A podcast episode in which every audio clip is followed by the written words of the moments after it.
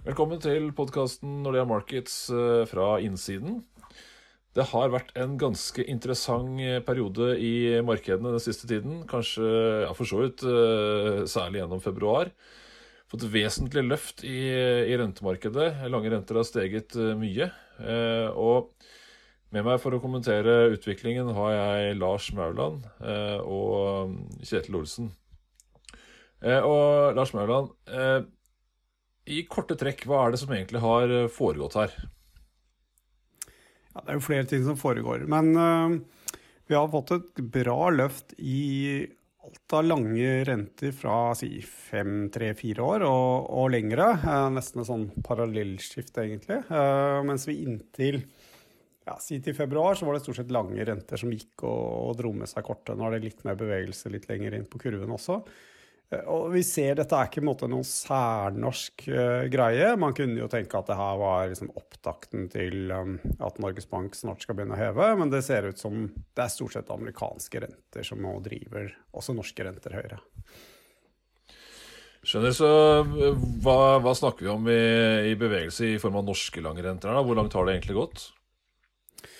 Kan si en, en tiårs swap-rente opp sånn, gjennom februar om lag et halvt prosentpoeng, da, opp mot 1,8 uh, ca. Uh, femåringen steg ja, nesten like mye.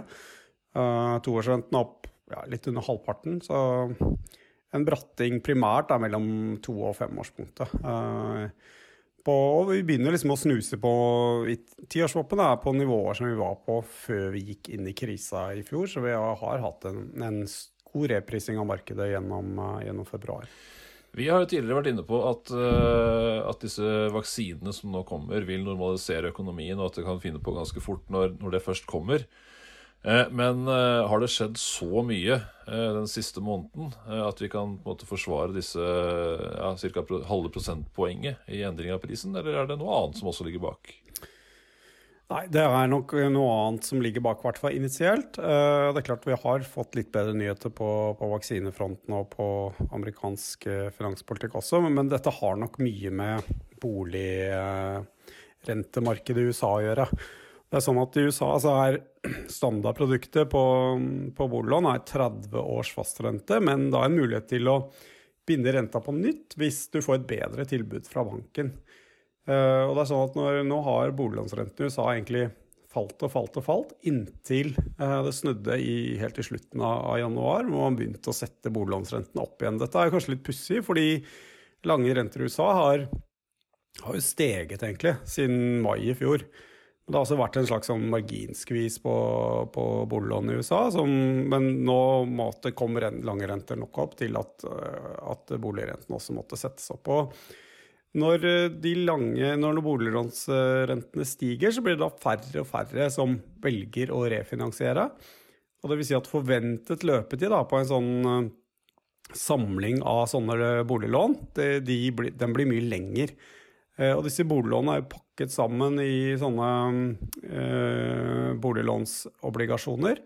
Og det vil si at når disse lånene blir lengre, så øker også durasjonen på disse boliglånsobligasjonene. Og investorer som har kjøpt disse, eh, og har det i en portefølje sammen med andre, andre, obligasjoner, de må da gjøre noe for å uh, nøytralisere denne durasjonsoppgangen på boliglånsobligasjoner.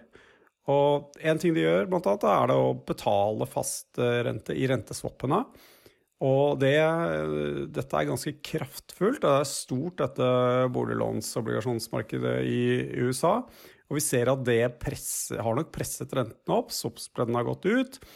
Uh, og vi har også sett dette mange ganger tidligere. Så, uh, og, og, tidligere så har vi hatt veldig store bevegelser da, på sånne skift i boliglånsrenta. Så I 2009 så, så starta, når det her skjedde, så, så steg rentene da 175 basispunkter i løpet av et par måneder. 2010 var det opp 130 punkter, og 2013 opp 125 punkter. Så vi er jo sånn sett bare halvveis i denne bevegelsen, da, hvis vi tror at det blir et tilsvarende bevegelse av det vi har sett uh, tidligere. Da vi i, har vi jo lenge hørt at uh, aksjemarkedet stiger pga. Tina-effekten. Uh, det er ikke There is no alternative. Uh, men nå blir det jo gradvis et litt bedre alternativ enn det iallfall var, da. Eh, og, og, i forrige uke så, så vi jo også at, eh, at aksjemarkedet reagerte litt på selve renteoppgangen. Eh, vil det kunne sette en demper for, denne, for dette rallyet, eller? Absolutt. Og du kan si at altså 50 basispunkter på disse lave rentenivåene er nok kanskje mer verdt enn når renta er 3-4% så vi kan kanskje ikke, kan ikke forvente å se den samme store bevegelsen som vi har sett på disse effektene eh, tidligere. Og helt riktig som du sier, altså renter begynner jo å se mer attraktivt ut nå for aksjeinvestorer og for utenlandske investorer. Så ser amerikanske obligasjoner attraktivt ut. Så, så, vi forventer at vi vil få en allokering både fra aksjer til renter, men også fra utenlandske investorer inn i amerikanske obligasjoner. Dette tar ofte litt lengre tid enn denne mm, hedging-aktiviteten som vi ser fra boliglåns eh, i USA. og Derfor går gjerne den bevegelsen litt først, og så får man andre mer sånn stabiliserende tiltak etter hvert. Så kanskje vi begynner å nærme oss nå en liten sånn stillstand i denne bevegelsen. Skjønner. Eh, det er jo eh, noe det er jo lett å se seg litt blind på, på de nære bevegelsene. Markedet har nå steget ganske mye på ganske kort tid, men på den annen side, nivået er jo ikke avskrekkende høyt. og vi har jo fortsatt en, en, ekstremt lav styringsrente i de aller fleste økonomiene, USA inkludert, med, med nullrente og friske QE-program, og dessuten også en sentralbank som har vært ja, i hvert fall ikke eh, overivrig med å kommunisere mulighet for renteøkninger. Eh, og Kjetil, eh, hva skal vi egentlig tenke om, om mulighetene for, for, selve sentralbankpolitikken på litt sikt? der? Det, det snakkes en god del også om, om arbeidsmarkedet, hvor vi er selvfølgelig veldig avhengig av at det normaliserer seg. Hvor, hvor, hvor galt står det egentlig til? Ja, det er jo det jeg tror kanskje de lærde strides litt om. Eh, sentralbanken og for så vidt også Finansdepartementet og Biden argumenterer for at eh, det er lang vei tilbake, og ledigheten er høyere enn den målte. For det er mange som har trukket seg ut av arbeidsstyrken og sånne ting. Så der er det en stor jobb å gjøre. Og derfor sier de at vi må ha store finanspolitiske pakker, og vi må også holde renta lav veldig, veldig lenge for å sørge for at økonomien kommer tilbake. Da. Men jeg tror det er det på en måte markedet er litt sånn Den betviler litt den eh, innstillingen da, og forventer egentlig at uh, sentralbanken etter hvert kommer til å, å, å snu litt. Fordi um, dette er, jo en veldig uvanlig krise, som vi har vært innom for Norge sin del også. Det er mange ting som tilsier at når vi først får vaksinert befolkningen, og i USA så ligger det de foran EU, så der ser det ut som vi har nok vaksiner til å vaksinere hele befolkningen per mai. Når det først skjer, så er det mye som tilsier at økonomien kan komme raskt tilbake. Men, men, og, og, Derfor tror jeg også markedet tror at sentralbanken kommer til å, å, å snu litt på liksom, argumentasjonen etter hvert, når de ser at økonomien kommer tilbake. Men de hevder at ledigheten er mye høyere enn vanlig, enn en den målte, for det er mange som har trukket seg ut av arbeidsstyrken.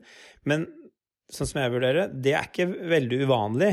Når, når på en måte økonomien går ned, så er det alltid sånn. Så spørsmålet er om, liksom, om den sanne ledigheten er høyere enn, kall det, normalt da, pga. krisen. Og da, da, er det en del forhold som tilsier at nei, snarere tvert imot, så er kanskje arbeidsmarkedet eh, strammere enn det normalt pleier å være når, når ledigheten er PT 6,3 ikke sant, så eh, det vi eh, Så har jo Fed selv sagt at, at renteøkninger er for prognosen deres, så er den jo langt, langt frem. Eh, men skulle da normalisering gå litt sånn som vi ser for oss, når kan man egentlig vente seg den, neste, den første renteøkningen fra USA, da? Nei, altså uh, Powell, sentralbanksjefen, sier at det er lenge til. Vi kan ikke snakke om renteøkning engang. Uh, vi har vel hatt en prognose for en renteøkning uh, mot slutten av 2022, tror jeg. markedet har jo lenge vært liksom også på, på, linje med sentralbanken, men i løpet av februar og i løpet av siste uka egentlig, så har de kommet mye mye nærmere. Så på slutten av forrige uke så, så begynte markedet å nærme seg seg vårt anslag, egentlig. Nå ligger de vel og priser inn en første renteøkning i starten av, av 2023. Så, så, så, markedet har på, på mange måter eh, eh, sett igjennom hva, hva, Powell sier, da, og, og liksom priser inn en tidligere renteøkning enn det sentralbanken kom, kom, har kommunisert.